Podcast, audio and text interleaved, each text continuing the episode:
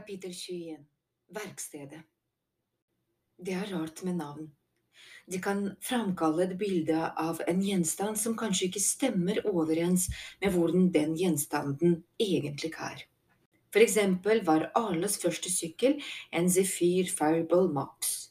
Han hadde valgt den ut i butikken sammen med faren, og han hadde insistert på å ha den stående på rommet og ikke i garasjen. Sykkelen var lekker og rask, konstruert for høy fart. Hver ettermiddag den sommeren hadde han syklet fram og tilbake i Blindveien utenfor huset deres i Philadelphia. Han så for seg at han skulle vinne Tour de France med den en vakker dag. Det var ikke før han begynte på skolen igjen i september at han fikk se en maken sykkel låst ved siden av hans i stativet. Den hadde like hjul, lik ramme, alt var likt, bortsett fra at den hadde et annet navn, Fjellklatreren. Dette var en treg, men robust terrengsykkel, beregnet på steinete stier og bratte bakker. Men det var akkurat den samme sykkelen, bare navnet var annerledes. Onkel Wade hadde kalt skuret bak huset for verkstedet sitt. Navnet hadde fått Arlo til å tenke på Julenissens verksted, eller det TV-programmet der en mann med bukseseler snekrer skuffer med sinkskjøter. I tankene hadde Arlo sett for seg at onkelen sto ved et langt bord og arbeidet med flere utstoppede dyr. Noen nettopp påbegynt, andre nesten ferdig. En halvveis utstoppet ørn der borte, en kanin i ferd med å bli limt der borte. Han hadde sett for seg at verkstedet var rotete, men bekvemt, kanskje til og med koselig som huset. Men det var feil. En misforståelse basert på ordet verksted. Hvis Arlo skulle ha gitt stedet et navn, ville han ha kalt det Det skumle mørke skrekskuret, for det ville ha vært mye mer presist. Arlo tok mot til seg. Han skjøv det forsiktig til side og avdekket et større rom bakenfor. En bølge av varm luft traff ham i ansiktet. Ankelen satt på en krakk med ryggen til. Over ørene hadde han en par digre øretelefoner. Han var travelt opptatt med å arbeide med noe, og han grep og la fra seg ulike redskaper og børster. En røyksky steg fra en loddebolt. Ved føttene hans glødet en elektrisk varmeovn. Onkel Wade? Ikke noe svar. Nå heller. Alle hørte musikk fra øretelefonene, høy heavy metal med bankende trommer og forvrengte gitarer. Men det var en annen lyd også, en som fikk Arlo til å tenke på tre-xylofonen han hadde spilt på i musikktimen i tredje klasse. Blikket gled opp til tagbjelkene, der fem mørke treplater med kinesisk skrift hang i ståltråder. En run hammer svingte vilt fram og tilbake i midten og traff platene, som alle lagde hver sin tone. Det fikk ham til å tenke på vindbjeller, bortsett fra at det ikke blåste. Arlo hadde ingen anelse om hva som fikk hammeren til å huske, som besatt hit og dit. Onkel Wade! Denne gangen ropte han høyt, men ennå ikke noe svar å få. Musikken i onkelens hodetelefoner var rett og slett for høy. Derfor hadde ikke Arlo annet å gjøre enn å dunke på armen hans. Onkel Wade skvatt slik at han falt av krakken og ramlet inn i noen pappesker før han til slutt landet på beinet ved siden av en utstøpet bever som holdt i en tannbørste. Unnskyld! Arlo rakte fram håndene for å hjelpe ham opp. Onkel Wade ville ikke ta imot, men skjøv seg opp på knærne. Du vet at du ikke har lov til å komme hit. Det er den eneste regelen jeg har. Jeg vet det, men ikke noe men. Ingen unntak. Wade reiste seg og viklet seg ut av hodetelefonledningen. Dette er fristedet mitt. Det er her jeg utøver kunsten min.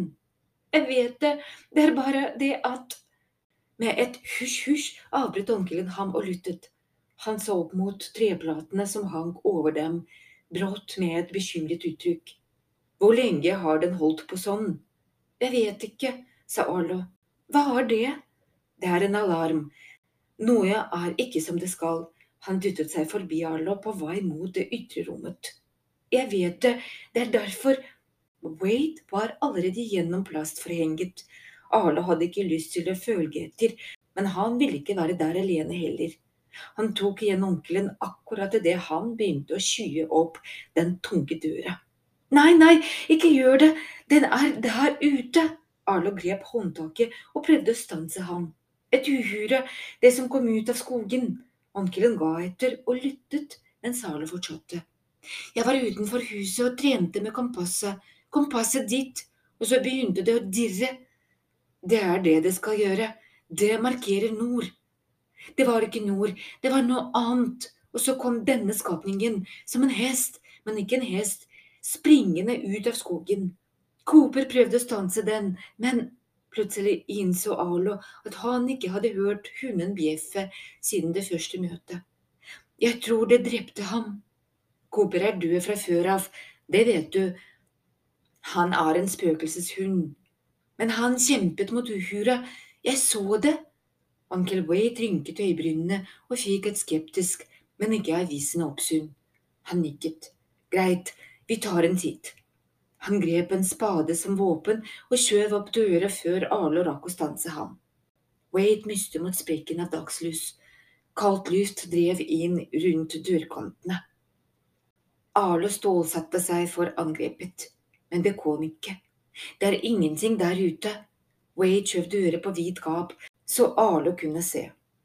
Onkel Wade var tydeligvis i ferd med å miste synet, for hesten befant seg ikke mer enn fem meter unna der den gikk fram og tilbake som en løve i en dyrehage. Ser du den virkelig ikke? Den er rett der borte. Arlo pekte.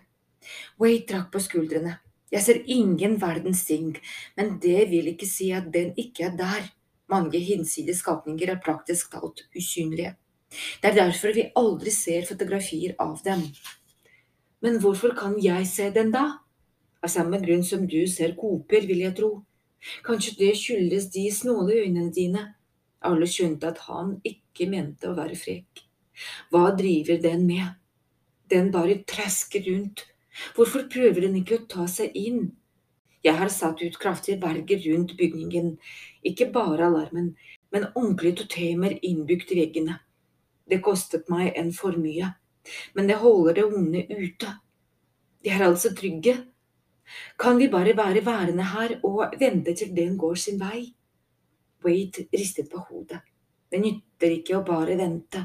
Hva skjer når moren din kommer hjem, eller søsteren din? Selv om de ikke kan se den, betyr ikke at den ikke er der. Vi må finne en måte å håndtere den på. Drepe den, mener du? Veit snøftet.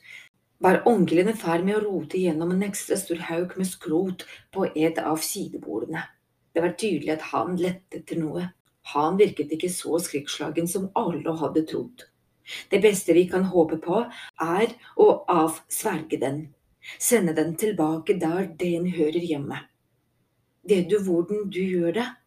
Ikke nøyaktig, han fant fram en bok. Det var visst feil. Han hev den til side. Jøss da, men først må vi vite hva vi står overfor.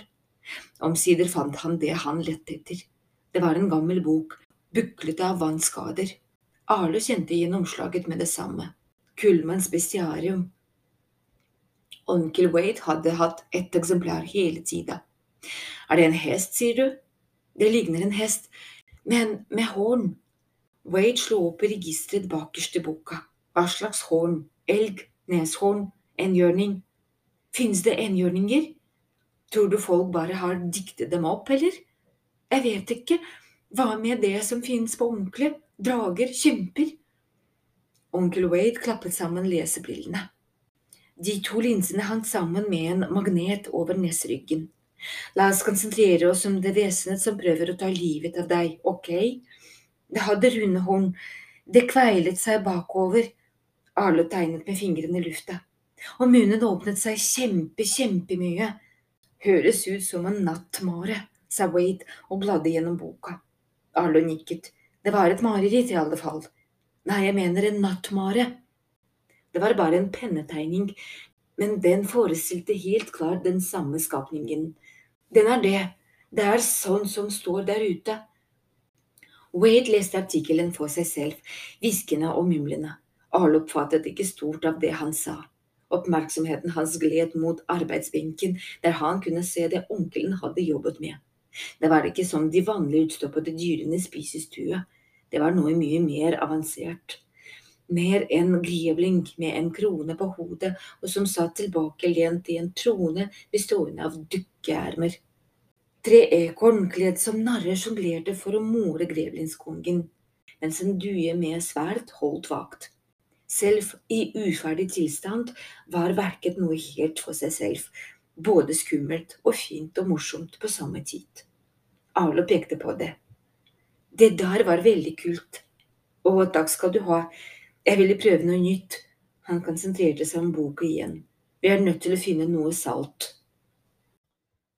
Ifølge Kulmens bestiarium kunne skyggeskapninger som nattmarer bare ta seg inn i vår verden gjennom måneopplyste innsjøer i langskogene. Det fortrullede vannet til disse tjernene la seg i hårlaget deres og beskyttet dem på ferden. Det er derfor de ser så blanke ut, tenkte Arlo. Wade leste høyt fra boka. Straks vannet tørker ut eller blir forurenset av salt, fordrives skapningen så vi trenger bare å helle salt på den. Nettopp. Har du noe salt? Ikke her ute. Det eneste saltet vi har i nærheten, befinner seg i huset. Det skal stå noe på kjøkkenet ved ovnen. Men det innebar at de måtte forlate det trygge, om enn skumle, mørke uthuset. Arlo ventet på at onkelen skulle melde seg frivillig til å løpe ut. Det gikk, det gikk noen sekunder uten at noen av dem sa noe. Så nikket onkel Wade. Etter min mening er du best kvalifisert til oppgaven, sa han. Du er i stand til å se den, det er ikke jeg. Dessuten er du mindre og kan løpe fortere. Jeg kan ikke løpe fortere enn en hest. Sant nok, det er uten tvil sant, men det så ut til at Wade var i ferd med å legge en plan. La oss se om ikke vi kan gi deg et forsprang. Før Arlo rakk å svare, rev Wade ned plastforhenget. Nå kunne Arlo se rett ut av inngangsdøra. Der ute trasket hesten fortsatt fram og tilbake og ventet på at de skulle komme ut. Men onkelen kunne ikke se den. Den er fortsatt der, ikke sant? Arlo nikket. Da sender vi deg ut bakveien. Wade skjøv et bord vekk fra veggen, dyttet til side noen esker og avdekket treverket bak. Han plugget en sirkeslag i en kraftig oransje skjøteledning. Den durde, den durte da bladet spant rundt. Har du tenkt å skjære en åpning? En liten en, du er ganske liten. Han bøyde seg ned og begynte å skjære. Men vil ikke det ødelegge vergene? Noe som beskytter oss? Hm, kanskje. Jeg er litt i tvil om hvordan alle disse mystiske greinene fungerer. Kanskje du skulle løpe ut fåren allikevel? Arlo avbrøt ham. Det går bra, dette klarer du. Han så på mens onkelen skar gjennom veggen. Hvis vergen hadde falt, så det ikke ut til at hesten fikk det med seg. Udyret gikk fortsatt fram og tilbake i den snødekte oppkjørselen. Etter to kutt til hadde Wade lagt en åpning på størrelse med en hundelyke. På den andre siden lå skaresnøen høyt men sollys fant veien inn gjennom de øverste centimeterne av åpningen. Det burde holde, nå må du løpe rundt til terrassen bak huset, for døra til vaskerommet er låst. Nettopp, jeg vet med sikkerhet at tjuveglassdøra er ulåst, for jeg var ute en tur i morges. Onkel Wade låste aldri huset, bare verkstedet. Når du er inne, må du ikke stanse før du holder i natriumklorid, det er det vitenskapelige navnet på salt. Hvordan bruker jeg det? Det står ikke noe om det i boka, men jeg tror du bare kan kaste det på hesten. Du merker det hvis det fungerer, for hvis det ikke gjør det, er du død. Det nyttet ikke å si noe på onkel Wades logikk, men Arlo skulle ønske han kunne legge saker og ting fram litt varsommere. Arlo la seg på magen og gjorde seg klar til å åle seg ut gjennom åpningen. Han var redd for at anorakken skulle hekte seg fast, så han tok den av. Kulde var den minste av bekymringene hans nå. Tenk som et ekorn, sa Wade. De bare henter nøtter og stikker. ekorn, tenkte Arlo mens han pustet ut. Vær et modig ekorn. Vil du at jeg skal gi deg en dytt? spurte Wade. Arlo nikket. Det kunne kanskje hjelpe. Greit. En, to. Greit. Tre, to, én. Onkel Wade dyttet. Arlo klavet seg frem med armene, svømt gjennom snøen. I løpet av tre korte sekunder var han ute i det blendende solskinnet. Han kom seg på bena og løp det forteste han kunne. Han så seg ikke tilbake, det trengs ikke. Hesten vrinsket da den fikk øye på ham. Arle løp langs baksiden av huset og forbi vaskerommet. Terrassen var i sikte, han snublet nesten idet han nådde fram et glasskyv i døra. Han dro håndtaket, døra rakk seg ikke, låst. JC, tenkte han, hun tålte ikke at Wade lot dører stå ulåst. Hvem som helst kunne bare gå rett inn. Hun måtte ha låst den før hun dro av sted med Benji. Udyret kom tordnende rett mot ham. Han hadde ikke annet alternativ enn å legge på sprang. Han dreide skarpt rundt hushjørnet før han skjønte at hesten måtte gå i byet. Han hørte hovslagene. De var nær. Han rundet neste hjørne og befant seg snart på framsiden av huset. Rett foran ham lå trappa. I øyekroken oppfattet han at hesten tok innpå. Arlo sprutet opp trappa og inn den veltede inngangsdøra. Hovet mot treverk, nok et vrinsk. Arlo kunne kjenne skapningens pust. Den var redd bak. Han skar til høyre, smatt gjennom spisestue og mot døret til kjøkkenet. Hesten var tregere innendørs, klossete, den hadde størrelsen mot seg. Arlo kom seg inn på kjøkkenet, han visste hva han lette etter, en blå pappbeholder med metallokk. Ifølge Wade sto saltet ved ovnen, men det var ingen sånn til å se der. Han kastet seg rundt, undersøkte benkene. I det samme dundret hesten gjennom pendeldøra. Arle rygget unna, han måtte ikke glemme badet. Kanskje han kunne åle seg ut gjennom vinduet der. Så fikk han øye på den, saltbøssa. Den sto på kjøkkenbordet ved siden av pepperen, det var det ikke beholderen han hadde lett etter. Men det var det minste salt, kanskje ville det holde. Dessverre var det et uhyre i veien for ham. Den kjempemessige skapningen var i ferd med å presse seg inn døra. Hva ville et ekorn ha gjort, tenkte Arlo. De måtte bestandig passe seg for større rovdyr, som regel flyktet de, men hva gjorde de når de var fanget i et hjørne? De utnyttet størrelsen til sin fordel. Nå var hesten helt inne på kjøkkenet. Idet den gapte for å bite, så Arlo sitt snitt. Han stupte mellom beina dens og smatt under kjøkkenbordet. Det var nære på at bakhovene knuste hodet hans. Udyret kastet seg rundt og dundret inn i stoler. Bordet ristet. Arle så at pepperbørsta falt. Lokket løsnet idet den traff gulvet. Men salvbøssa var fortsatt der oppe. Arle stakk hånda opp og famlet blind over bordflaten. Hånda gled over serviettene og sukkerskåla. Bordet ristet igjen idet hesten snudde. Med ett kjente Arlo saltet, et glassrektangel med metallokk. Han grep det og dro det ned. Saltbøsse. Arlo smilte av lettelse. Monsteret satte seg på bakbeina og prøvde å få fatt i byttet. Slim dryppet ut fra ujevne tennene. Arlo kavet mot døra og kom seg inn i stua. Han sprang ut foran huset mens han vred lokket av saltbøssa. Han bukset ned trappetrinnene og spurtet over snøen. Onkel Wade sto i oppkjørselen og holdt spaden som en klubbe. Fant du det? Har det! Arlo stanset og kastet seg rundt for å se mot huset. Hesten kom farende ut døra og bukset ned trappa. Arlo helte salt i hånda og slengte bøsset til side. Han måtte vente til dyret kom nær. Kastet ham salte for tidlig, ville han bare bomme på den. Med senket horn kom monsteret styrtende mot ham. Det hadde tenkt å renne ham ned. Arle kjente hjertet i strupen. Noe av saltet rant mellom fingrene hans. Hadde han i det hele tatt nok? Hesten var tolv meter unna. Ti. Arlo ble stående, ville ikke rikke seg. Seks meter. Tre. Arlo kastet saltet. Det bredte seg i lufta som sand fra en sandkasse. Skapningen bukset mot ham. Den liknet en knytteneve som forsøkte å smandre ham. Arlov unna. Dyret traff saltspruten og eksploderte i et tordenbrak av røyk. Etter drønnet hørtes et smell og noen sprakeluder. I noen sekunder hank en bleksvart, dunstende sky i lufta, fortsatte form av en hest. Så la den seg, falt som svart aske på hvit snø. Beistet var fordrevet. Det pep fremdeles i ørene da Arlo så bort på onkelen. Jøsses, det så jeg, ropte Wade. Dunder og brak, det var dritkult.